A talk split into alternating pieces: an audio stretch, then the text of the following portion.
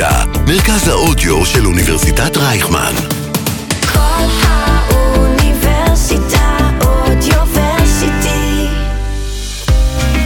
על הרצף, עם דוקטור רונית ולגרין.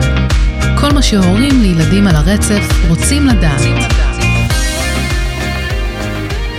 שלום ותודה שהצטרפתם אלינו לפודקאסט על הרצף עם דוקטור רונית ולגרין, אני ענת גרינבלום ואתם מאזינים לנו כאן בכל האוניברסיטה, מרכז האודיו של אוניברסיטת רייכמן. היום, בשונה מהפרקים הקודמים בהם הוספנו פינה של הורים שואלים, החלטנו לתת במה רחבה יותר, לאפשר שיחה עמוקה יותר, על נושאים שאתם מעלים בקבוצת הפייסבוק, פודקאסט על הרצף, שיחות על אוטיזם. אני רק אציין שאוסף השאלות שאספנו לא מסודר על פי נושאים, אלא לגמרי נאסף באופן אקראי, ואנחנו רוצים פשוט לתת את התשובות היותר נרחבות מטקסט, ואנחנו גם יודעים שאתם בעיקר בקבוצה כי אתם שומעים ושומעות אותנו, אז הפעם הכל באודיו. היי רונית, בוקר טוב. בוקר טוב. טוב, אני, אני, אני ברשותך ישר לשאלות, כן? אני, רגע, לפני שאתה... יאללה. לפני השאלות, יש לי רק אה, בקשה לכל מי שמאזין לנו. אתם שולחים לי המון המון שאלות במסרים פרטיים. זה בסדר גמור, אני שמחה לענות עליהם, אבל אני חושבת שברגע שאתם שולחים שאלה במסר פרטי, כל הקהילה שלנו מפסידה. כי לא פעם השאלה שלכם נוגעת גם ללא מעט אנשים בתוך הקהילה. יש אפשרות של לשלוח שאלה אנונימית. תעבירו את הכפתור של האנונימי, ואז אתם לא מזוהים כשאתם שואלים את השאלה, ותשאלו את השאלה בתוך הקהילה, שתצא לאור, כיוון שלא מעט אנשים יכולים ליהנות מהתשובה, אבל מאוד מהשאלה שלכם. אז אה, אפשר לצאת לדרך. יאללה. אז תראי, זאת שאלה באמת אה, מורכבת אולי, אבל נדמה לי שחשוב להתחיל איתה. איך נערכים במשפחה לאבחון נוסף? כלומר, לעוד ילד או ילדה, שגם הם מאובחנים על הרצף האוטיסטי. מה שאומר אולי שני ילדים על הרצף האוטיסטי ולפעמים שלושה. יש בכלל דרך להיערך לזה לדעתך? תראה, המילה להיערך היא מילה שצריך קודם כל להסביר אותה מה זה להיערך. אני, אני יכולה לדבר רק מניסיוני. הורים שיש להם ילד אחד על הספקטרום כבר מאוד ערים להתנהגויות תקשורתיות של התינוק שנולד. לא פעם הורים כאלה מגיעים אליי למכון לטיפול או אבחון או הערכה חוזרת לילד הגדול, ואומרים לי, תסתכלי על הקטנצ'יק, אה, הוא, הוא, הוא משאיר קשר עין, הוא מגיב לי, הוא לא מגיב לי, משהו מפריע לי. מה עושים, כדאי ללכת לו. זאת אומרת, זה... זה החשדות מתעור, מתעוררים החשדות, מוקדם. אתם כבר הרבה יותר ערנים, הרבה יותר מפוקחים. ההסתכלות שלכם היא כבר הרבה יותר חדה לכיוון יכולות תקשורת. אגב, ש... לפעמים גם קורה מצב הפוך, שבו ילד קטן מאובחן, ואז חשדות נכון, נכון. לגבי, לגבי הבכורות, או זאת אומרת, היותר גדולים. נכון, ויותר מזה, הרבה פעמים ההורים הולכים לבדוק את עצמם. כשהם מבינים על מה מדובר. אבל רגע, בואי נחזור לאחים. אבל נחזור לאחים. כך שברוב המקרים, כשאתה הולך לאבחון עם הילד השני שלך, אתה הולך כבר, המילה מוכן היא לא מדויקת, אבל אתה הולך כבר עם ידיעה בבטן, ש... שכן, שזה הולך לקרות בפעם השנייה, ולפעמים גם בפעם השלישית. איך להיערך? התחושה שלי שההיערכות הכי טובה היא תדאגו לעצמכם. כי השבר הוא לא קטן לפעמים. זאת אומרת, אה, גם אם ידעתם שהוא על הספקטרום וראיתם את האפיונים, כשהמאבחן יושב מולכם ומודיע לכם שהילד השני או השלישי גם על הספקטרום, אה, יש משבר. יש משבר לא קטן, רגשי, אצל ההורים, ואני באמת מאמינה בעובדה שהורים צריכים עוצמות צריכים אנרגיות כדי להתמודד עם אבחון ראשון, ודאי אבחון שני, ודאי ודאי אבחון שלישי. תדאגו לעצמכם, תיכנסו לקבוצות תמיכה, תדברו עם הורים אחרים. אגב, ראיתי שגם בפייסבוק יש קבוצות שנקראות שניים על הרצף. נכון, או, נכון. זאת אומרת, כלומר, כשזה באמת אה, קבוצות שמיועדות להורים שיש נכון. בהם למעלה משני ילדים. ולא פעם, כשאתם מדברים עם הורים אחרים, ה... זה לא רק הוונטילציה שאתם מוציאים את כל מה שאתם מרגישים, זה, זה אפילו יושב על דברים מאוד מאוד פרקטיים, של לקבל טיפים של איך מתמודדים, לא צריך להמציא את הגלגל מחדש בהכרח. יצא לך לראות אחאות כזאת של ילדים ש- כששניהם על הרצף כן, האוטיסטי? כן, ודאי, אבל אנחנו, איך היא נראית? תראי, אסור לנו להכניס את הילדים לרובליקה אחת, למרות שהם אובחנו על הרצף האוטיסטי. זאת אומרת, במשפחה אחת היא נראית נפלא. גם הילד, נו, בואי נניח שהילד הגדול אוטיסט ונולד ילד שני אוטיסט, למרות שהגדול אוטיסט, יש משפחה אחת שהגדול יתפקד כמו אח לכל דבר, עם המריבות ועם החיבוקים ועם האהבה ועם הקושי. יש משפחות שהילד הגדול המאובחן מנותק. וברגע שהקטן נכנס לטריטוריה שלו, זה מטריף אותו, ואז הקשיים יותר גדולים. שוב, אי אפשר לעשות כאן אה, הכללה, כי כי אנחנו בעצם... כל ילד, בדיוק כל ילד עם היכולות שלו, עם עוצמת הקשיים שלו, עם האישיות שלו. וההורים, בואי, הילדים מאוד מושפעים מההורים. ההורים, יש אנשים שבאמת אה, עוצמות שלהם אחרות, יש אנשים שנשברים ולא מתפקדים, יש... אי אפשר זה, להשוות. זה לכאורה נשמע לי דווקא כמשהו שלפחות מבחינה לוגיסטית הוא לא כזה מורכב. כלומר, אם באבחון הראשון יש לנו קושי מנטלי, ואז את כל מערכת הבירוקרטיה המסואבת וכל התהליכים שצריך ללמוד, רגע, מה אני עושה מול ביטוח לאומי, מה אני עושה מול משרד החינוך, אה, מה אני עושה מול מחלקת הרווחה בעיר.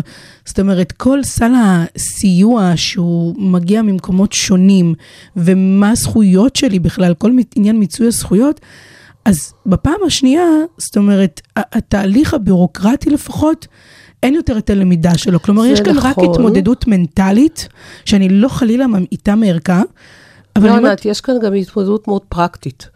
כיוון שאת כל, ה, כל ההתמודדות הבירוקרטית, אוקיי, אתה יודע מה עושים מול הרווחה, אתה יודע מה עושים מול- מול ביטוח לאומי, אתה יודע איך מדברים בוועדת השמה, הבנת, למדת, אתה יודע. אבל הקשיים הם קשיים נורא נורא פרקטיים. אני צריך ללכת עם הילד הזה לקלינאי תקשורת, ועם הילד הזה לטיפול הרגשי, ואז הילד השני צריך את הקלינאי תקשורת, והילד הראשון את הטיפול הרגשי, והילד הראשון את הריפוי בעיסוק, ואתה מוצא את עצמך מתוזז למוות. הבנתי, טוב. וזה פרקטי לחלוטין. עכשיו, אני, אני, אני שוב אומרת, זה קשה, זה התארגנות לא פשוטה, זה המון אנרגיות, זמן, אני לא מדברת כבר על כסף, נשים את זה בצד. אבל אל תשכחי, את צריכה שני טיפולי תקשורת, אחד לזה, אחד לזה, ריפוי בעיסוק אחד לזה, אחד לזה, אולי טיפול רגשי אחד לזה, אחד לזה. מה שאת מקבלת ומה שאת מוציאה, מוכפל. זאת אומרת, מוכפל פה ומוכפל פה. אני, אני באמת, ושוב, מהיכרותי את האנשים, אני מכירה לא מעט משפחות שאובחנו אצלם יותר מילד אחד, קודם כל, העוצמות שההורים בונים לעצמם רגשית, ואחר כך כל ההתארגנות הפרקטית. ברגע שהבן אדם מסוגל לנשום עמוק ולא מרגיש קוצר נשימה, כמו אני היום למשל, הוא יכול להתמודד, והוא מתמודד, והוא מתמודד טוב. תדאגו לעצמכם קודם כל. טוב, השאלה הבאה. אנחנו עדיין בענייני אבחון, אגב, ואולי זה מקום טוב גם להזכיר שיש לנו פרק שלם שעסק בכל נושא האבחון, אבל השאלה הזאת אה, הופיעה אצלנו בפיד. משפחה שמכחישה את האבחון, אחים, דודים, סבים, משפחה סבתות. נרחבת, כן. כן, מעגל, המעגל המשפחתי הנרחב אולי. מה, מה עושים? אני כן רוצה להתמקד. ניתן, אה, מה שנקרא, לילד אה, להסביר להם? לא, בהנחה שהילד בן שנתיים-שלוש, אז לא, אבל אני כן רוצה להתמקד בסבא-סבתא, כי זה פחות מופיע אצל אחים, זה יותר מופיע אצל סבא-סבתא, ש... בדור שלהם זה היה פחות... אה, כן, אבל לא רק זה, הם רואים את הילד, והילד עוד לא התחיל לדבר, והאמירה הקלאסית היא, בסדר, למה לחץ? למה היסטריה? הוא ידבר, כל אחד והקצב שלו, כל אחד וה... וההורים במצוקה, כי סבא סבתא, בתפיסה שלי, אמורים להיות אה, ת, תומך לקיר הזה של ההורים. אני אגיד לך עוד משהו, אני חושבת שמה שקורה כאן זה גם איזשהו שבר מאוד עמוק ברמת האוטוריטה. אתה חי וגדל כל החיים שלך כשההורים שלך הם האוטוריטה המאוד מאוד שורשית שלך. לפתע פתאום מגיע איש מקצוע שנותן הבחנה שלהורים שלך אין מושג בה, והם, יש להם את חוכמת החיים שהם גדלו איתה. והם אה, רוצים אה, לתמוך, הם רוצים להרגיע, והם רוצים להגיד, שמעו, הילד הוא כמו כל הילדים, ובדיוק את כל מה שאת אומרת. כן. ועכשיו אותו הורה לילד על הרצף האוטיסטי, צריך לתרץ, להסביר, לגשר על הדיסוננס הזה בינו לבין עצמו, האם הוא הולך אחרי אנשי מקצוע, או האם הוא שומע להורים. אני וזו- שמעתי לא פעם לא פשוט. משפטים כמו, מה, מהדור ה, של הסבא סבתא, כמו, למה את מנסה להדביק עליו בעיות? עכשיו, אה, זה מאוד קשה לשמוע. כאימא זה מאוד קשה לשמוע משפט כזה. אני אגיד לך מה אני עושה, ואני חושבת שאמרנו את זה באחד הפרקים הקודמים. אני מבקשת מהם להביא את הסבא וסבתא אליי.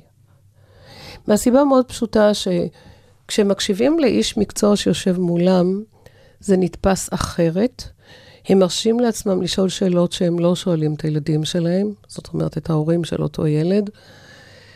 אה, זו אני- ממש שיחה שבעיניי. בתור ניסיון שעשתה את זה, בואי נעשה רגע גילוי נאות, אה, אני חושבת שזה פותח בעצם אה, איזושהי תיבה כזאת של טאבו, משהו שבמשפחה לא ממש יודעים לדבר אותו, לאף אחד גם אין באמת מספיק כלים ואינפורמציה, ודווקא הישיבה הזאת מולך, היא זאת שנותנת את החלל ואת המרחב הזה לשיחה לסבא סבתא. לסבא סבתא, נכון. לשאול את השאלות הכי מפחידות שיכולות להיזרק לחלל האוויר, ורק איש מקצוע יכול לתת תשובה, שאגב, יכולה להיות תשובה של רק הזמן יגיד, שזה שאלות שעדיין ארוכות מדי, אבל עצם זה שהן נשאלו, עצם זה שנעשה האוורור הזה, עצם זה שכל הצדדים לרגע הבינו שאולי אף אחד לא יודע מה יהיה, אבל כולנו יודעים מה יש, וזה שצריך להתחיל לעבוד, אני חושבת שזאת הייתה התרומה מבחינתי. אוקיי. אה, כשעשינו אני, את זה. אני גם חושבת ש... שוב, השיחה הזאת צריכה להיות שיחה מאוד רציונלית ועניינית. כשאני יושבת עם אה, זוג כזה, זוג סבא סבתא כאלה, אני מדברת על הנכד שלהם, ואני מנסה להסביר להם, באמת, מהפן המקצועי, איזה התנהגויות של הילדון הביאו אותו לנקודה הזו של קבלת אבחון של ילד מתפקד על הספקטרום. כי לא פעם אני רואה שהתפיסה של הסבא סבתא זה הילד שיושב בבועה ומנפנף. והם אומרים לי, אבל הוא לא כזה. תראי, הוא מדבר איתנו, הוא משחק, הוא מחייך אליי. איפה האוטיזם, איפה?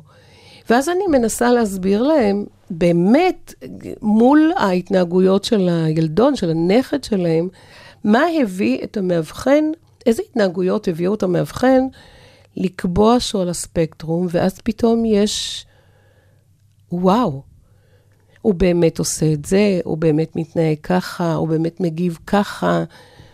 עכשיו הבנו. השיחה הזאת עם איש מקצוע היא בעיניי מאוד מאוד חשובה, כי הפניות להקשבה היא אחרת, היכולת להעלות שאלות, דילמות, אפילו התנגדות היא אחרת. זה כאילו את מזיזה את המטענים הרגשיים שיש בין אימא לבת, אימא לכלה, מזיזה את זה הצידה ונשארת נטו עם, ה, עם הנתונים המקצועיים שקשורים לעניין. הם יוצאים אחרת משיחה כזו. חד משמעי.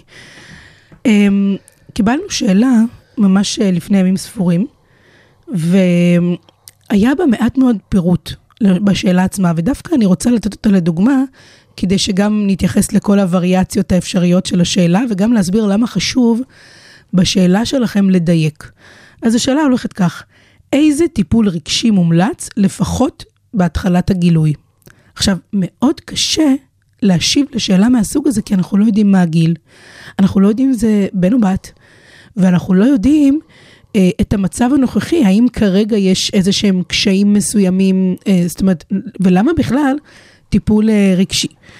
אני, אני אשתף רגע דוגמה מהבן שלי, שבזמן שהוא היה בגן טרום חובה, בשלב מסוים, אה, אחת מנשות הצוות, גן תקשורת. גן תקשורת. גן תקשורת, אחת מנשות הצוות שהיא אה, אה, אולי הייתה אפילו סייעת או גננת מחליפה, אמרה לי, אני חושבת שאולי הוא צריך טיפול רגשי. ואני זוכרת שבאתי ואמרתי, רונית, מה זה טיפול רגשי? תגידי לי, מה זה? ואז, אה, עכשיו, למה היא אמרה את זה? מה הקונטקסט של זה? הייתה לו תקופה שהוא מאוד, אה, הוא מאוד כעס. הוא כעס, הוא היה מתוסכל, והסיבות היו ברורות בדיעבד, כן? אה, לא הייתה לו חברה בגן, והוא הוא, הוא הרגיש את המחסור בחברה, כי הוא חזר הביתה והוא ביקש לשחק עם חברים, ובגן תקשורת היה גן קטן, ובאותו שלב נוצר מצב שחבריו היו לא ורבליים, ולמעשה לא היה לו עם מי לנהל משחק. והוא כעס, הוא כעס, הוא כעס כי הייתה גם תחלופה, גננת יצאה לחופשת לידה, וגננת... זאת אומרת, הילד עבר תקופה שבה הוא חש תסכול, והילדים, כאלה ילדים לא יודעים לדבר את הרגשות, הם יודעים להתנהג את הרגשות. ואני זוכרת אותך אומרת לי, ענת, חכי רגע, כי בגיל הזה עוד אין כל כך אה, מה לדבר. שנייה, הילד התחיל לדבר, אבל הוא, הוא עוד לא מודע כל כך לרגשות של עצמו. זה משהו שאולי מתאים לגילאים יותר מתקדמים, לכעסים יותר, אה, אה, אולי אפילו למשהו כמו התקפי זעם, שאגב, לא נחוו במסגרת של הבית. כלומר, זה היה משהו נקודתי שהיה מאוד מאוד תחום בגן תקשורת. אז כשאנחנו נשאלים על שאלה, איזה טיפול רגשי מומלץ, אני אומרת, חסר פה מאוד בשאלה הזאת הרבה ידע כדי להבין. אבל בואי ננסה כן לקחת את השאלה הזאת ולהגיד, איזה טיפול רגשי מומלץ למישהו שנניח מאובחן על הספקטרום האוטיסטי, ואני מעריכה שהוא מפגין קושי רגשי. אז בואי תגידי איך את חושבת שהקושי הרגשי יכול לבוא לידי ביטוי, ואז מה הטיפול? אולי בכלל זה משהו שגם קלינאית יכולה אה, לפתור. תראי, תראי, טיפול רגשי זה לא טריטוריה של קלינאית. זה טיפול, זה טריטוריה של תרפיסטית רגשית, סלאש פסיכולוג. אבל יכול להיות, אבל, אם, זה נובע בגלל שהוא לא מצליח לבטא את התסכול, או לבטא את, את, את המחשבות, או להגיד מה אני רוצה, אז הוא, אז הוא משתולל מכעס. הוא משתולל מתסכול בדרך כלל. אני חושבת שאפילו ה... הכעס היא מילה קצת קשה, כי לא בהכרח הוא מודע ונותן לעצמו דין וחשבון למה הוא במצוקה. אבל תראו, טיפול רגשי, טיפול רגשי זה תלוי, אני אגיד לך, אה, אה, מה תלוי אם ההחלטה כן טיפול רגשי, לא טיפול רגשי. טיפול רגשי זה תלוי גיל. טיפול רגשי זה תלוי התפתחות. באיזה שלב התפתחותי הוא נמצא. טיפול רגשי זה תלוי האם הוא מסוגל, בשל, להפיק מטיפול רגשי את מה שאנחנו רוצים. טיפול רגשי זה תלוי יכולות, תלוי קשיים. זאת אומרת, אנחנו כבר הבנו שגיל כרונולוגי, כשמדברים על ילד מאובחן על הספקטרום, לא, בכלל, לא בהכרח על זה אנחנו מסתכלים, אנחנו כן מסתכלים באיזה שלב התפתחותי הוא נמצא, מה הקשיים שלו, מה היכולות שלו. לא בהכרח כל ילד מתוסכל אני אקח לטיפול רגשי, ולפעמים, כן, אני אמליץ על טיפול רגשי. כשאנחנו מדברים על טיפול רגשי, שוב, נורא נורא תלוי בילד. יש ילדים שטיפול בעזרת בעלי חיים יעשה להם את זה. יש ילדים שזה מוזיקה. יש ילדים שזה ארגז חול. יש ילדים שזה... אומנויות למיניהן. אומנויות, אה, נורא תלוי ילד, תלוי גיל, תלוי... מה שחסר לי בשאלה הזו, זה תיאור למה היא בכלל נשאלה. מה ההתנהגות שהילד מפגין, אפילו לא הגיל שלו, אבל מה ההתנהגות שהילד מפגין, בגינה אתה שאלת את השאלה שלך. חסר לי כאן נתונים. אז, אז, אז אחד הנתונים באמת זה, זה שזו תחיל, זה, תחילת הגילוי, אבל אני, אני גם חושבת שזה שניתנה עכשיו ההבחנה, היא לא, אה, באמת, זה לא באמת מסביר לך כשאלה. לא, כי מה- תחילת הגילוי יכולה להיות גם בגיל 12. זאת אומרת, יש לנו ילדים שגם בגילאים הבאמת יותר גדולים, אולי זה בכלל חרדה, ואז באמת פסיכולוג או פסיכיאטר. אנחנו צריכים להבין, יש ילדים שבאמת הגילוי, האבחון שלהם מגיע בגיל 11-12, וזה סיפור אחר לגמרי מילד בן שנתיים שאובחן. אה, אני חושבת שהשאלה הזאת, התשובה לשאלה הזאת, היא רלוונטית ולא רק לילדים על הספקטרום האוטיסטי, גם ילד עם אפרקסיה, שלא מסוגל לדבר, לא מסוגל להעביר צרכים, רצונות, מחשבות, מכאובים, יכול להיות מאוד מאוד מתוסכל, ולפעמים הוא מתאים לטיפול רגשי, ולפעמים זה לא מתאים לטיפול רגשי. צריך להבין על מה מדובר. מה המטרה של טיפול רגשי? זה לווסת את הרגשות? המטרה של טיפול רגשי זה קודם כל ללמד אותו, בעיניי, אוקיי? זה קודם כל ללמד אותו להעביר את המצוקה שלו באיזשהו ערוץ, כך שהצד השני יבין איפה הבעיה. זאת אומרת, אם למשל, אני אלך למה שקרוב לליבי, כי אני קלינאי תקשורת, אם הילד לא מסוגל לדבר, והוא רוצה משהו, ואני לא הבנתי, והוא מנסה להעביר לי שהוא רוצה, ואני לא הבנתי, מהר מאוד התפתח פה תסכול. עכשיו, בתסכול יש שני סוגי ילדים. יש את הילדים שיעשו שני צעדים אחורה ויוותרו. וזה תסכול מאוד גדול. יוותרו על הרצון שלהם, יוותרו על הניסיון להסביר לי, יוותרו, על התקשורת, יוותרו. יש ילדים שיעברו ל... להרביץ, לדחוף, לנשוך, ל- למשוך בשיער, יוציאו את זה בקטע של אגרסיה. אה, ואם הוא מסוגל לבטא ועדיין יש התנהגויות כאלה? לא פעם אנחנו, דווקא הקלינאיות, מלמדות את הילדים להעביר כעסים במילים, אם יש לו יכולת ורבלית. במילים ולא בדחיפות, ולא בצביטות, ולא ב... עכשיו, הדרך לעשות את זה, אני, היא הרבה מאוד עם modeling.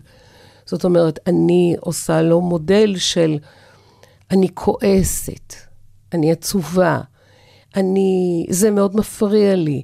זה לתת לו את הכלים להביע את מה שקורה אצלו. גם לפעמים ילדים ורבליים, האינסטינקט שלהם, צורת הביטוי הראשונה שלהם זה פיזית. זאת אומרת, אם מישהו מציק להם, הם ידחפו אותו. אנחנו רוצים שאם מישהו מציק להם, הם יגידו לו, די, מילולית. זה עבודה של קלינאי תקשורת לפעמים, וזה במקביל עבודה של תרפיסטית רגשית לפעמים. טוב, אז הזכרת את החוסר ורבליות, ובאמת אחת השאלות הייתה, מתי מחליטים שהילד הלא ורבלי כנראה יישאר כזה ולא ידבר יותר? אני זוכרת שבאחד הפרקים כשעסקנו בזה, את אמרת שלפעמים לא חייבים לחכות בכלל לנקודה הזו, אלא כבר בשלבים יותר מוקדמים מתחילים לשלב אה, כל מיני אמצעי של אה, תקשורת אה, חלופית, כל מיני אמצעים.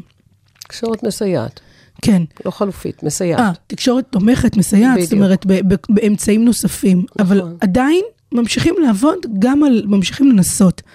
אז האם יש בכלל נקודה כזו שבה אומרים, אוקיי, זה כנראה לא הולך לכיוון הוורבלי?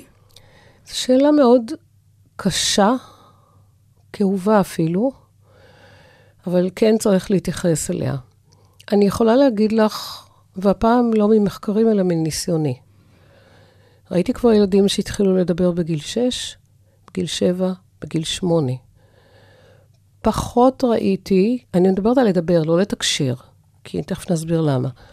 פחות ראיתי ילדים שהם לא ורבליים אוראלית, זאת אומרת, אין להם דיבור בגיל 15-16, שהדיבור הגיע בגיל 20, פחות ראיתי דבר כזה. אבל מאוד חשוב לתת לילד כזה ערוץ נוסף לתקשורת. מדברים היום הרבה מאוד על הקלדה. אני מכירה לא מעט חבר'ה שבאמת יש להם קושי משמעותי בדיבור אוראלי, והם כן מתקשרים בהקלדה, ולפעמים מתקשרים בצורה מופלאה בהקלדה. אה, יש לנו את הפלט קולי, יש לנו את האמצעים לתקשורת תומכת. לוחות לא- תקשורת גם. לוחות תקשורת. אני, למה אני אומר מדגישה את התומכת ולא חליפית? כי ההחלטה היא שהתקשורת הזו היא תקשורת חליפית, היא באמת כשאתה קצת מבין כאיש מקצוע, שהאנרגיות שהילד צריך להשקיע והאיש מקצוע צריך להשקיע בתקשורת אוראלית, בדיבור, לא משלמת את עצמה, זה לא קורה. לאורך כל דרך ההתחלה, זאת אומרת, עד, גיל- העשרה, ויותר מ-11-12 אפילו, אני מעדיפה לקרוא לזה תקשורת תומכת, כי אני לא מאבדת תקווה שהילד כן יוכל לדבר.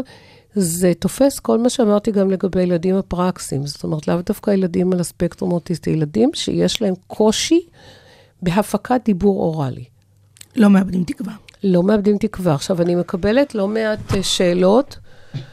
הילד שלי בן ארבע, בן חמש, לא מדבר עדיין, אני מיואשת.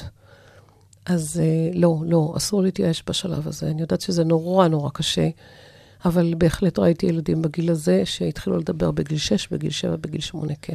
וכשהם מתחילים לדבר בגילאים היותר מאוחרים, הם בעצם מגשרים על פערים, או שזה נשאר דיבור... אה, שוב, נורא תלוי בקושי של הילד וביכולות של הילד וביכולת הקוגניטיבית של הילד וביכולת רכישת השפה של הילד. זה לא שיש קליק והילד מתחיל לדבר במשפטים ומדבר זורם, זה מילה ועוד מילה ועוד מילה וחיבור של שתי מילים לרצף וחיבור של שלוש מילים למשפט. ולאט, לאט, לאט, לאט, חלקם מתרוממים גבוה, חלקם פחות, תלוי ילד. אז אולי אנחנו עדיין קצת בא- באותו נושא. זו גם שאלה שבעבר התייחסנו אליה באחד הפרקים שהוקדשו לכך. אחרי כמה זמן שהילד לא מתקדם, נניח, אצל קלינאית תקשורת, מבינים שהוא כנראה לא יתקדם יותר. כלומר, אחרי כמה זמן של טיפול אצל קלינאית, אפשר להגיד, אוקיי, יכול להיות שזה לא עניין של ילד, אלא עניין של קלינאית, ואולי כדאי לי לנסות איש, איש מקצוע חדש, כי אולי שם זה דווקא כן יעבוד. כמה זמן ניסיון אנחנו נותנים לקלינאית? יופי, יופי שאמרת קלינאית, כי אני, אני יוצאת מנקודת הנחה שזה קלינאית, שזה לא ילד. זאת אומרת, צריך הרבה מאוד כדי שאני אבוא ואגיד, תקשיבו, ילד, לא, את יודעת מה, אני לא אומרת את זה אף פעם. לילד אין סיכוי להתקדם. זה לא, זה לא אמירה רלוונטית, זה לא אמירה...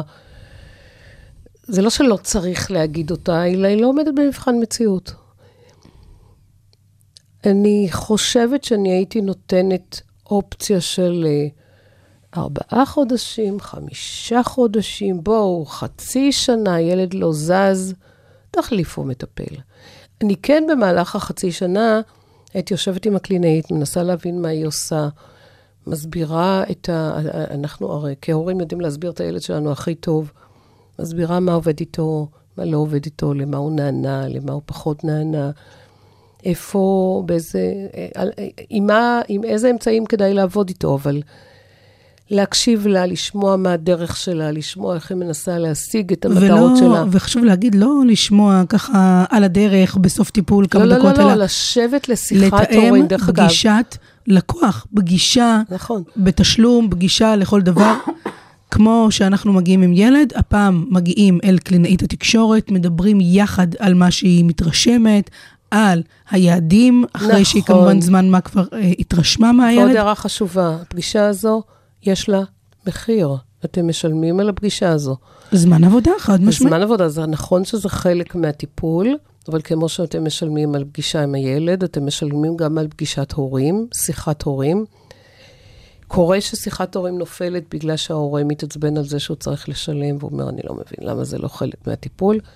חבל, חבל, כי זה על חשבון הילד בסופו של דבר. שיחת הורים בעיניי must, כי כשאתה יושב, גם אם אתה נוכח בטיפול, וגם הקלינאית מדי פעם זורקת לך מילה מעל הראש של הילד, היא לא יכולה, ואסור לה, לשבת ולעשות איתך שיחה ארוכה כשהילד נוכח. זה לא נכון, זה גם לא נכון בשביל הילד. פגישת הורים, שבה אתם אוספים את כל השאלות שלכם, שבה הקלינאית מציגה את התוכנית שלה, את היעדים שלה לטווח קצר, את המטרות שלה לטווח ארוך, את האסטרטגיות שמנסה להשיג את היעדים האלה, ואתם שואלים שאלות. שעד ה- אחרונת השאלות, כשאתם מרגישים שבדיוק הבנתם מה קורה פה. כי לא פעם הורים באים ואומרים לי, הוא הולך לקלינאית, אין לי מושג מה היא עושה איתו, היא משחקת איתו כל הזמן, אני לא מבינה את הרעיון. תשאלו, שבו איתה לשיחת הורים מסודרת, תשאלו שאלות. הילד לא התקדם, בואו ניקח חצי שנה, אוקיי? הילד לא התקדם חצי שנה, די, נגמר. תקופת החסד נגמרה, תחליפו מטפל. על הרצף, עם דוקטור רונית ולגרין. כל מה שהורים לילדים על הרצף רוצים לדעת.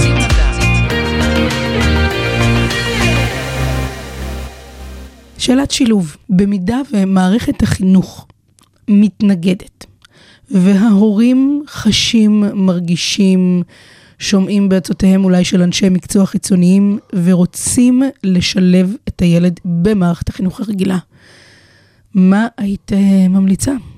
אני סומכת על ההורים. אני חייבת להגיד, למרות שאני שייכת לקליקת אנשי המקצוע, אני חושבת שהבן אדם שמכיר את הילד הכי טוב, מכל הכיוונים, 24-7, זה ההורים שלו. אבל הם אז- לא מכירים אותו בתוך מסגרת של הרבה ילדים. שבו, תקשיבו. אני, אני באמת מאמינה להורים.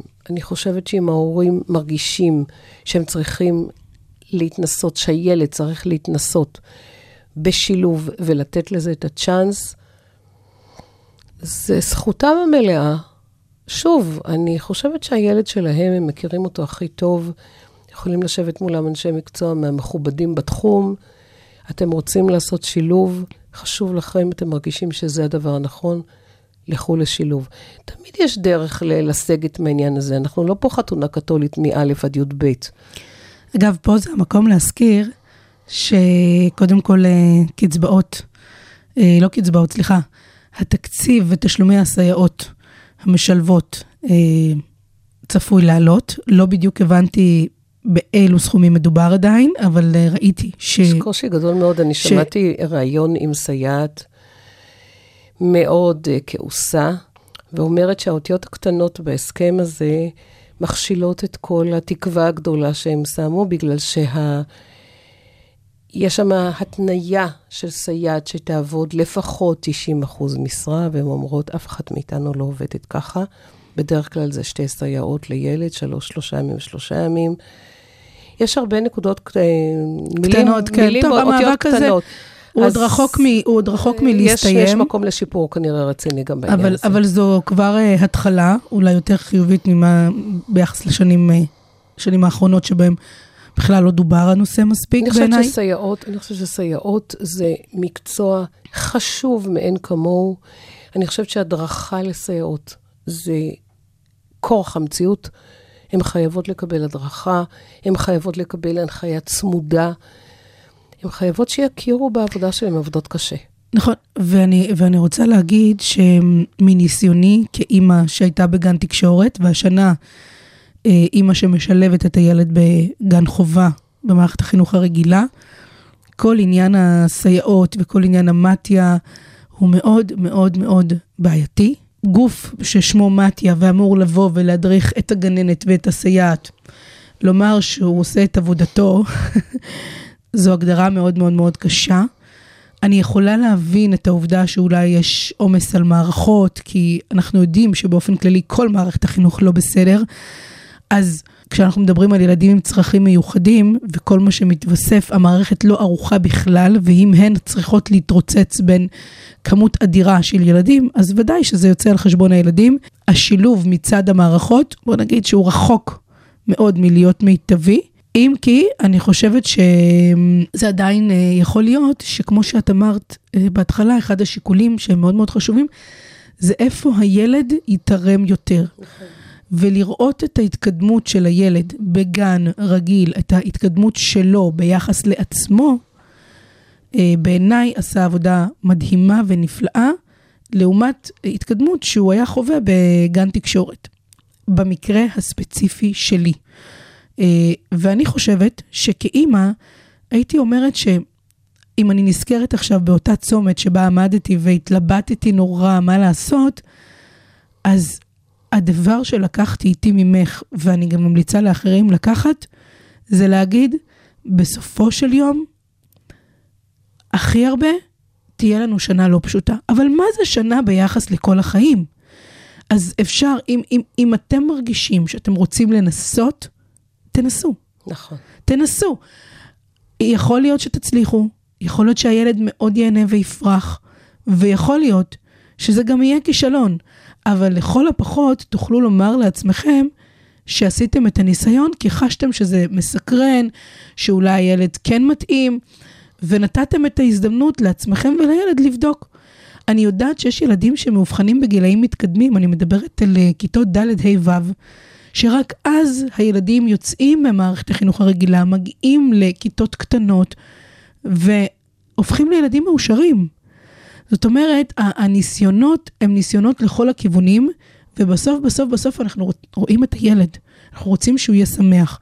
ואם רוצים לנסות שילוב בגן, במערכת חינוך רגילה, אז הרבה מזה, הרבה מהעבודה היא כמובן, דיברנו על זה בהרחבה היא הרבה מהעבודה היא על ההורים, וגם לתווך לילד את המציאות החדשה. כלומר, לעבוד הרבה על דיבור ועל הסברה ועל תיווך על המציאות החדשה שמצפה לו. וייתכן מאוד שברגע שהוא מפנים שזו המציאות, גם הוא כבן אדם שמתפתח, מייצר לעצמו את האסטרטגיות שלו להסתדר. ויכול להיות שגם בחלק גדול מהמקרים הוא נהנה. אז לזכור שבסוף האינדיקטור זה הילד, ואם אתם כהורים רוצים לנסות, תנסו. זה נכון שזה לא נודע וזה סיכון, אבל היי, זה סיכון של שנה לכל היותר. עוד מילה אחת, ענת. לקחת בחשבון שמאוד קשה לעבור מגן תקשורת לכיתה א' רגילה. כן חשוב לתכנן את, הדר... את המשך הדרך ולהבין שאם אנחנו רוצים לבדוק את המצב לגבי שילוב, העדיפות היא לשלב אותו בגן חובה שנה בגן רגיל, ואז לשקול באמת אם הוא יכול לעלות לאלף רגילה או שהוא צריך א' תקשורת או בית ספר לאוטיסטים.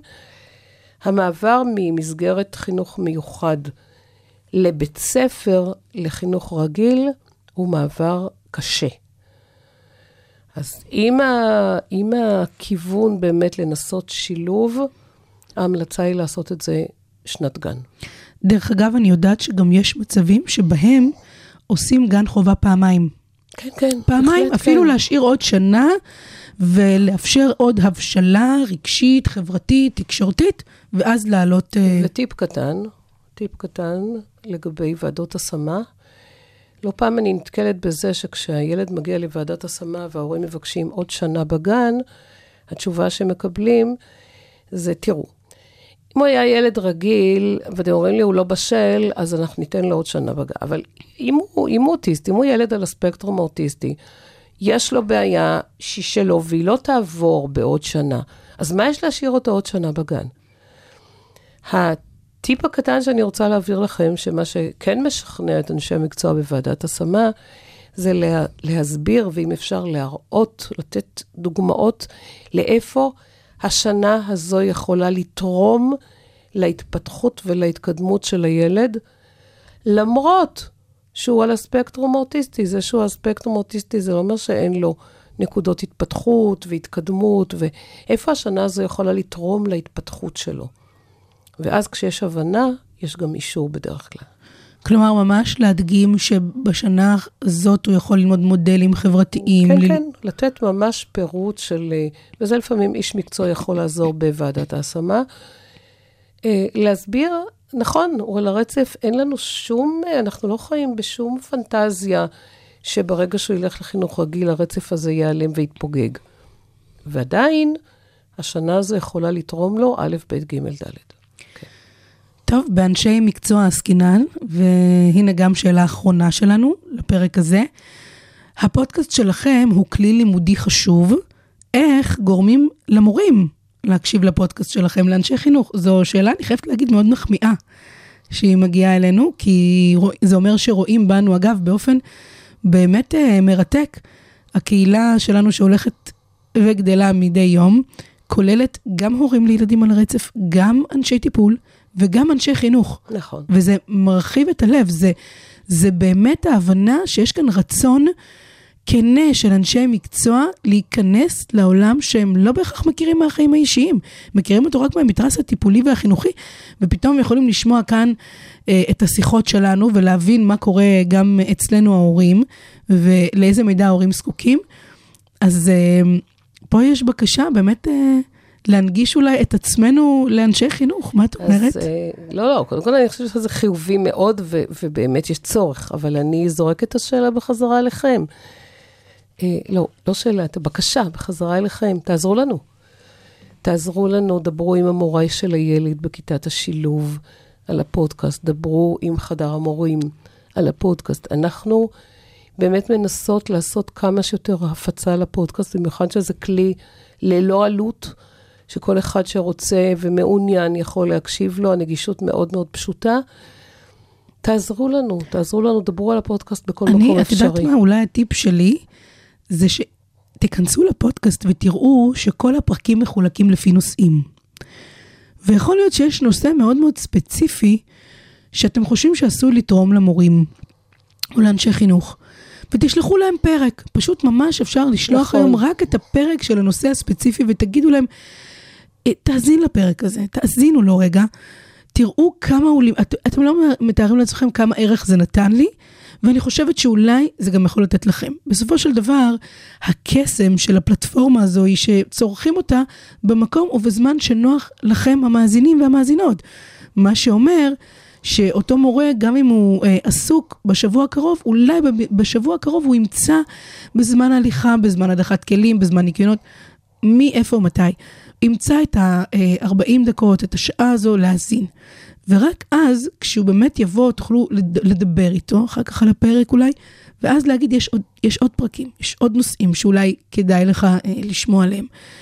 אז אה, זהו נראה לי, אני הייתי אולי מתחילה גם אה, בלשלוח איזשהו פרק ספציפי, ייחודי מסוים, שיכול לענות על איזשהו צורך, רעיון ו- יפה. ומשם אולי גם אה, אפשר יהיה אה, להתפשט או למצוא מענה לעוד שאלות אה, שיכולות אה, לתרום. אכן.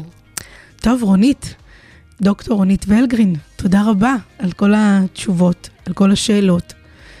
ואני מקווה שגם אתם, המאזינים והמאזינות, נהניתם, קיבלתם תשובות.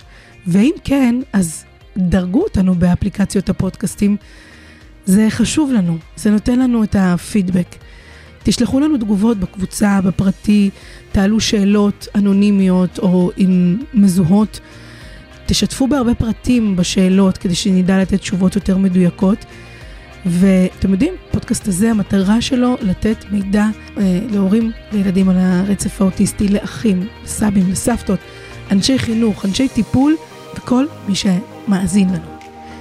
אני ענת גרינבלום, ואנחנו נשתמע בפרק הבא. להתראות. ביי ביי. כל הנאמר בפודקאסט על הרצף אינו מהווה תחליף לייעוץ מקצועי. על הרצף, דוקטור רונית ולגרין. כל מה שהורים לילדים על הרצף רוצים לדעת.